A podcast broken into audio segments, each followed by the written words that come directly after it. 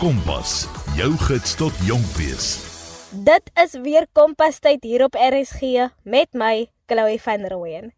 Nou ek weet jy sit nou iewers en eet daai laaste stukkie braaivleis of braaibroodjie want gister was mos immers erfenisdag of braaidag. Ek hoop dat jy kan die dag geniet het en dat ons die dag gebruik het om te dink aan wat dit is wat ons agterlaat vir mekaar en wat dit is wat jy wil agterlaat vir die volgende generasie van Suid-Afrika. Nou daar's baie goeie dinge in die land wat ons laat lag en laat feesvier. Maar dan is daar ook mos nou die slegte dinge wat ons diep ontsteel. 'n Bietjie later in die program gaan ons hoor oor van die dinge wat jong mense ontsteel. Ons het 'n brief ontvang van 'n jong luisteraar wat haar kommer uitspreek. Marianne Pitter gaan vir ons 'n woord van bemoediging gee. Maar voor hulle by ons aansluit, hoor ons van Betavia Moelman. Sy gesels saam met ons oor haar loopbaan as spraakterapeut en wat hierdie werk alles behels en hoekom dit so 'n spesiale beroep is. Dit is jou Kompas program vanaand met my Chloe van Rooyen. Kompas, jou rigtingaanwyser tot sukses. Hallo Batavia en baie welkom hier by Kompas. Hello. So lovely to be here with you today. My name is Batavia Moorman. I am a speech language and hearing therapist from Cape Town, currently working in the Eastern Cape. Party nou sê ons wat presies doen 'n spraakterapeut en hoe het jy besluit dat dit nou juist die beroep vir jou is? Speech therapy is a very quiet profession where you most likely won't hear of the profession unless having to go and see a speech therapist. I remember having to go and see a speech therapist when I was about in preschool because I had a lisp. When looking back, I always remember having such fun with the therapist that worked with me.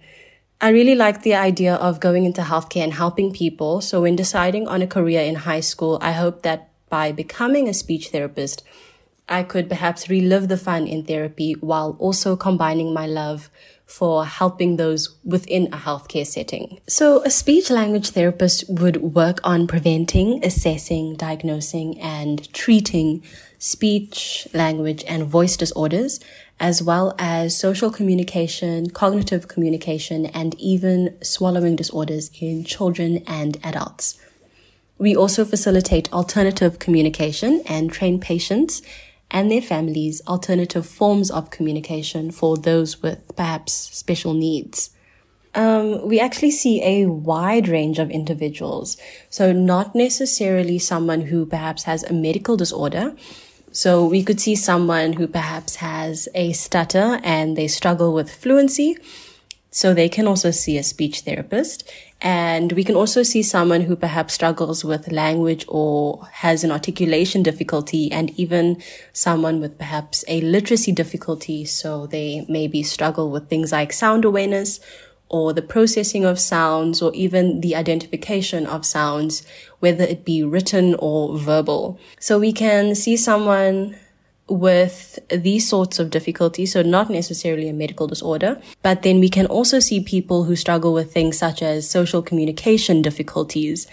And we could perhaps work on things such as social cues, engagement, turn taking in conversation, um, etc. So basically, speech therapy can benefit anyone with not just a medical disorder, but also someone who faces difficulty with communication as a whole. We would also work with a multidisciplinary team, and that would include the audiologist, the dietitian, the occupational therapist, the physiotherapist, general practitioner, and even surgeons. So because our caseload covers various treatment forms and a number of different populations. Our patient caseload can range from newborns who struggle to latch or swallow when feeding to toddlers with delayed language development or children who have a stutter to adults who perhaps have had a stroke or brain injury and face difficulty swallowing their food or struggle to communicate with their loved ones. So within our scope of practice, it is a beautiful mix of almost everything tied into one. And sê my, hoe lank studeer 'n mens om 'n gekwalifiseerde spraak- en taalterapeut te word? En watter vakke moes jy op skool gehad het om toelating te kry vir hierdie kursus? In total, speech therapy is a 4-year course. You study to become a speech therapist for four years at university. And once you qualify, you go on to do your year of community service working at a hospital or a clinic, which is what I'm currently doing right now. So in total, it's about a five year commitment where after that you can qualify and register as a fully qualified professional with the Health Council of South Africa. So the subjects that are compulsory in order to get into speech therapy would include English, any additional South African language, and then any science subject such as biology or physical science. I was lucky enough to have both of these subjects in high school, so I just went with the one which had the highest percentage um, as a little tip. So um, these subjects are included because you spend a lot of time learning about the human body as well as spend time studying the basics of communication and the science of language, which is very interesting. So these subjects were basically the foundation of your degree. So you'll be spending a lot of time dealing with topics which involve all of these subjects, which is why it is compulsory in order to get into speech therapy. Watter deel van jou werk geniet jy die meeste? What I love about my job is that not a single day looks the same as the other. So what you did in therapy the day before with one patient, you might not be able to do with another because that patient might respond differently to that technique. So each day is a beautiful challenge where you are constantly forced to basically adapt what you have done the day before into something new. Um, I also really enjoy watching my patients progress. So whether it be a child who is vocalizing for the first time or maybe an adult patient communicating with their loved ones again after a stroke, or perhaps someone who has had a stroke and they are finally eating their favorite meal again because they have finally regained the function that they couldn't do before within their swallowing mechanism. So it's so beautiful to see how your patient has progressed from perhaps not doing something um, such as communicating with their loved ones at all, to perhaps using a gesture or maybe using one to two words again after attending therapy or making use of a swallowing technique to help them um, eat their favorite food again. En is daar iets waarteen jy voornemende studente kan waarsku? Um what I would love to warn prospective speech students about uh don't be afraid to get creative. So don't be afraid to get into your creative space and to just challenge how you approach things. So like I mentioned earlier, what works for one patient might not always work for the other. So you need to get very creative with how you administer therapy. I mean, I have found myself making board games, making different colored Play-Doh from scratch, using hospital passages as an adapted therapy room and even making communication boards out of cardboard boxes from um, collected from family and friends. Uh, so it's amazing to see how your creativity benefits your patients in the end because as therapists, our aim is to always follow the patient's lead. So it's important to see what they are interested in and how that can help them in therapy. So don't be afraid to challenge your creativity. I have also found myself spending late nights coloring in different sorts of pages just to make sure that my patients for the next day will be interested and eager to remain focused, but also make it fun for them. So you will spend lots of time just challenging how you think and challenging what you perhaps think is interesting and what you think could benefit your patient in the end. I remember as a student, my colleagues and I would often joke that we are studying speech therapy while also studying to become graphic designers because you will spend lots of time Googling ways to make a new board game or ways to make pretty pamphlets that you can give it to some of the patients at the clinic the next day. So don't be afraid to get into your creative space, but also don't be afraid to have fun because it's all about having fun and making things interesting for your patients. Partyvie nou dit is duidelik hoe lief jy is vir wat jy doen en hoe belangrik hierdie werk is. Ek weet jy mag nie inligting van jou pasiënte deel nie, maar is dit dalk 'n storie wat jou na in die hart lê wat jy met ons kan deel? I think we tend to forget just how much we rely on communication. So, whether it be verbal, visual, or physical, uh, to go about our daily lives. I think in today's day and age, we often tend to forget that communication is more than just words. So, it can be verbal, but it can also be visual and it can also be physical. So, things such as gesture or sign language, or even words written down on paper or someone making use of a book and pointing to images in order to communicate. I have often found myself holding back tears seeing how patients go from not being able to communicate at all to eventually being able to either state their name verbally or perhaps using, like I mentioned earlier on, images to communicate their name or even counting to 10 after having a stroke. So witnessing the joy and excitement when parents perhaps hear their child's voice for the first time is something that is also so precious and so beautiful to see. I often like to give my patients what I call their therapy homework, where we perhaps focus on a specific skill or a technique. And I ask my patients to practice this at home. And it is so beautiful to see when they practice their homework, patients go from not being able to do something to eventually mastering that skill and overcoming that difficulty. So that is something that is always a memory that I will hold so close to my heart, you know, seeing how motivation encourages progress. Because after perhaps suffering a stroke, some patients lose that ability to express things that we find so easy in our day to day lives, you know, things that we don't even think about doing that just come so naturally like stating your name, stating where you're from, they struggle to do so and they just need that help and that guidance to eventually get back to communicating how they did before.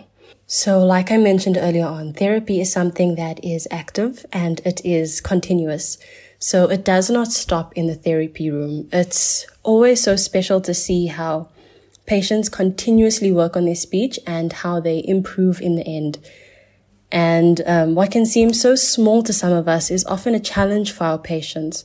So, like I mentioned earlier on, again, um, maybe someone had a stroke and maybe not that they struggle with um, communicating, but maybe they struggle with eating their favorite food.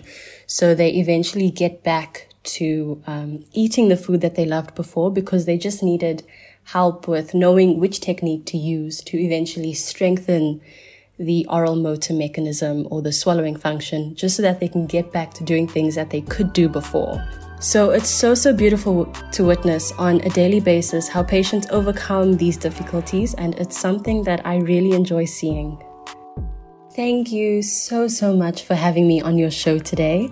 If there are any listeners who are perhaps eager to find out a bit more about this beautiful profession, feel free to check out my blog or send a message on Instagram at survivingcomserve. Thank you. Baie dankie aan jou Betywia dat jy so 'n bietjie van jou werk met ons kom deel het en hopelik het dit nou voornemende studente geïnspireer. Baie dankie. Dit was dan die spraakterapeut Betywia Moelman. Kompas jou gids tot jonk wees. Ons is terug en jy luister nou na Kompas met my, Chloe van Rooyen. Nou so 'n paar weke gelede het ons 'n brief ontvang van 'n 18-jarige luisteraar wat kommer uitspreek oor die land en hulle moedeloosheid deel. Ons dink dit is belangrik dat jong mense hulle kommer deel en praat oor die dinge wat hulle pla, sodat hulle nie alleen sit met hierdie gedagtes nie. Ek speel nou aan julle die brief. 'n Pleidooi van 'n 18-jarige tiener van Riversdal. Ek is 'n matrikulant van 'n klein platlandse dorp in die Suid-Kaap. Ek's veronderstel om vanaand te leer vir my rekordeksamen wat om die draai is. Maar ek kan nie, want ek sit en bekommer my oor die toestand waarin ons land is. Net vandag het onluste by Swellendam uitgebreek skaars 'n uur van ons dorp af. Uiteindelik weet ek hoe al daai mense in Natal in 2021 en nou onlangs die Kaapenaars moes voel. En ek haat die gevoel. Die vrees en bekommernis oor jou geliefdes en selfs die mense wat jy nie ken nie. Ek is veronderstel om gelukkig te wees oor my aanvaarding by 'n universiteit, my lisensie, dat ek matriekafskeid toe gevra is, 40000 al daai goed. Ek en duisende ander matrikulante is veronderstel om voor te berei vir die rekord en eindeksamen wat ons toekoms gaan bepaal. In stede moet ons sit en bang wees. Sit in ons bekommer oor familie en vriende in die gevaargebiede. Ons bekommer ons oor die misdaadsyfer, die hongersnood en werkloosheid. Ons moet eendag hierdie land bewaar. Maar hoe gaan ons dit doen as ons nie meer 'n land is nie? Daar is so baie dinge verkeerd met ons mooi land. Daar is so baie mense wat regtig swaar kry en hulle huise, werke en families verloor as gevolg van 'n paar mense wat mag en geld meer belangrik ag as basiese menslikheid. Ek pleit by julle asseblief, daar is hoop vir hierdie land. Ons as jong mense probeer ons bes om die stukke bymekaar te hou, maar dit is baie moeilik as die mense wat veronderstel is om ons te leer, inspireer en help, besig is om ons toekoms af te brand en te vernietig. Ons het nog hoop, maar baie jong mense en tieners se hoop word daagliks geblus as gevolg van misdaad, armoede, werkloosheid, inflasie, diskriminasie, politici wat net aan hulle eie sakke dink, rasisme en dit gaan altyd kante toe en 'n absolute gierigheid na mag en geld. Daar is nie veel wat ek kan doen van my klein plek in die wêreld nie. Maar ek kan dit. En ek glo dat die krag van gebed werklik movies se berge kan versit. Asseblief terwyl daar nog iets van ons mooi land met sy wonderlike mooi mense oor is. Hou op beklei en sak op julle knieë. Los die bekgevegte oor sosiale media van die hof. Los die fisiese gevegte en kwaad word en afbreek of afbrand en sak op julle knieë. Los al die opmerkings en goed. Los die sleg en kwaad, die haat en sak op jou knieë. Die Here het hierdie pragtige land vir ons gegee om op te pas. So help ons as die volgende generasie om dit te bewaar. Sak op jou knieë en draai jou oë na die Here asseblief. Ons kan net bid want slegs hy kan op die stadium ons werklik help. Behandel jou naaste en dit is almal om jou met liefde en respek. Dit gaan al klaar 'n baie groot verskil maak. En dalk, net dalk, kan ons hierdie land se situasie omdraai en haar weer na glorie en pragt bring. Asseblief. Ek smeek ieder en elk van julle. Ons kan nie hierdie alleen doen nie. Janie Pitter is 'n motiverende spreker en gaan nou sy raad aan ouers en jong mense gee wat dalk ook soos hierdie luisteraar moedeloos voel. Dag sê dis Janie Pitter hier en ek het die voorreg om met soveel mense te kan werk in my uh, konsultasiekamer, my kantoor met kinders, ouers. En ek weet dat daar so groot verandering gekom het oor die laaste paar jaar. En veral na Covid, jy weet, ehm uh, soveel mense se hope en drome is weggebed weggeraak agter die realiteite van hierdie lewe. En as 'n mens so kyk na die lewe, dan moet 'n mens verstaan wat is aan die gang, want wanneer jy weet wat aan die gang is, dan kan jy daarteen opstaan. Maar wanneer mense nie weet wat aan die gang is nie, dan word jou hoop gesteel en jy word eintlik vuisfoos deur hierdie wêreld um, neergeslaan elke dag. So ek wil net hierdie gedagtes met julle deel om te sê as ons ons kinders kan leer, ons is in 'n geestelike oorlog hier. Ons is in 'n oorlog op hierdie aarde. Ja, daar's baie oorloë, fisiese oorloë, maar die geestelike oorloë wat ons voer is baie meer eg Ja, dit gaan eintlik oor die battle of your mind. Dit gaan oor die stryd in jou kop. En as ons ons kinders kan hoop gee en hulle kan laat verstaan wat aan die gang is, dan kan hulle die stryd leef en beheer en heers daaroor. Wat bedoel ek? Die eerste vraag is: wie is aan wie is aan die stuur van die aarde? En die Bybel sê dit baie duidelik: Satan is prins van die wêreld. Die Here het in die begin vir Adam en Eva die opdrag gegee om te heers oor die aarde en toe Adam en Eva dit in die sonneval aan Satan gegee en daar het Satan regtens heerskappy oor die aarde gekry. So as ons kyk na realiteit, dit wat hier aangaan op aarde moet ons verstaan, dit is onder ewel. Dit is nie onder goed se mag nie. Die realiteit van ons lewe is onder Satan se mag. Die Here het sy seun Jesus gestuur en um, as 'n mens en tot Satan hom versoek in die woestyn en daar het hy hom gevat na die hoogste plek en hy wys hom al die koninkryke en hy sê toe vir Jesus en dit skryf staan so in die Bybel geskryf sien jy hierdie alles? Dit is vir my gegee. Ek kan dit gee aan wie ek wil. So Satan het gesê die realiteite van hierdie wêreld die sisteme van hierdie wêreld is aan hom gegee. En toe het Jesus vir hom gesê nee maar jy jy verstaan verkeerd. Ek het nie gekom om een of twee te kry nie. Ek het gekom om heerskappy terug te neem. Wat hy gedoen het toe hy in die kruis gesterf het en in die hel ingegaan het vir 3 dae geveg het en uiteindelik opgestaan. Toe Jesus opvaar hemel toe toe sê hy sodat elkeen wat in my glo kan heers oor die dinge van hierdie wêreld.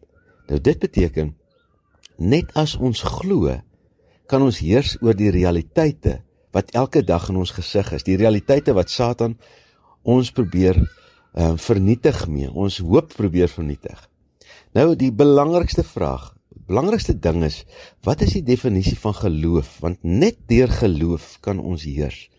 Net deur geloof kan ons die baas wees van dit wat sleg is. Die definisie van geloof staan in Hebreërs 11 vers 1. Daar staan: Geloof is om seker te wees van dit wat jy hoop, 'n vaste oortuiging van dit wat jy nog nie kan sien nie. So geloof het niks met realiteit te doen nie. Geloof is agter realiteit. En as ons nou mooi kyk, dan weet ons dat Satan probeer deur die realiteit in ons gesig te gooi so erg dat hy ons hoop kan steel, want as ons hoop verloor, dan kan ons nooit in geloof ingaan nie, want die sleutel tot geloof is immers hoop. Nou as ons dit vir ons kinders kan leer, dan sê ons, weet jy wat?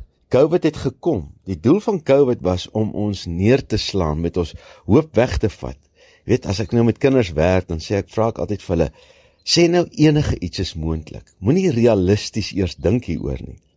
Wat sal jou droom wees? Wat sal jy hoop gebeur met jou lewe hier op aarde? En dan's baie keer die kinders sê oom ek weet glad nie. Ek het nog ek kan nie daaraan dink nie want die realiteite van hierdie lewe het werklik gekom en ons drome en ons hoop begin steel. Nou ja, wat is die antwoord? Kom ons gaan maak ons hoop weer los. Kom ons gaan grawe ons hoop uit waar die realiteit dit probeer toegooi. Kom ons bring dit na vore. En wanneer ons praat oor wat ons hoop, dan word daar 'n vlam aan die brand gesteek van 'n toekoms wat ons nog nie kan sien nie. En dit is hoe ons hierdie lewe moet lewe. Kom ons praat met ons kinders oor wat ons hoop. En ons praat nie oor realiteite nie. Jy weet, elke dag as jy oor realiteite praat oor wat aangaan in ons land en al die dinge wat in die nuus is, Daai is die hoopstelers, droomstelers. Maar as ons weer kan droom soos klein kindertjies. Matteus 18 vers 3 staan: As julle nie kan word soos die kindertjies tussen julle nie, kan julle nooit die koninkryk van God ingaan nie. So ek wil julle almal uitdaag, wie luister vandag na hierdie boodskap is, kom ons kry ons hoop weer lewendig. En ons hou op praat oor die realiteite en ons praat oor wat ons hoop en wat moontlik is vir die toekoms. En raai wat? As ons in geloof lewe, dan word ons geloof uiteindelik ons realiteit en dan kan ons lag vir hierdie wêreld met sy aaklige realiteite. Ja, ons moet ons kinders bemagtig. Dis 'n geestelike stryd en ehm um, hy word erger en erger. So ons het 'n taak om te doen en dit is kom ons draai ons rug op die realiteit en ons kyk met oë vol hoop na die toekoms en ons leef in geloof. Baie sterkte vir elkeen van julle. Ons kinders het hoop nodig. Ons het hoop nodig. En mag hierdie boodskap die begin wees daarvan ook. Geseënde dag. Bye. Baie dankie vir daai kragtige boodskap Jannie. Dit is dan al wat vir ons tyd het vanaand. Onthou die program en ander wat jy dalk misgeloop het, sal beskikbaar wees op Potgooi. As jy dalk dieselfde gevoelens gedeel het as die luisteraar in die brief, hoop ek dat jy nou 'n bietjie meer moed het. Ek groet eers tot volgende maandag aand 08:30. Ek is Chloe. Dit was Kompas en jy is ingeskakel op RSG. Presteer, leer en blink uit met Kompas.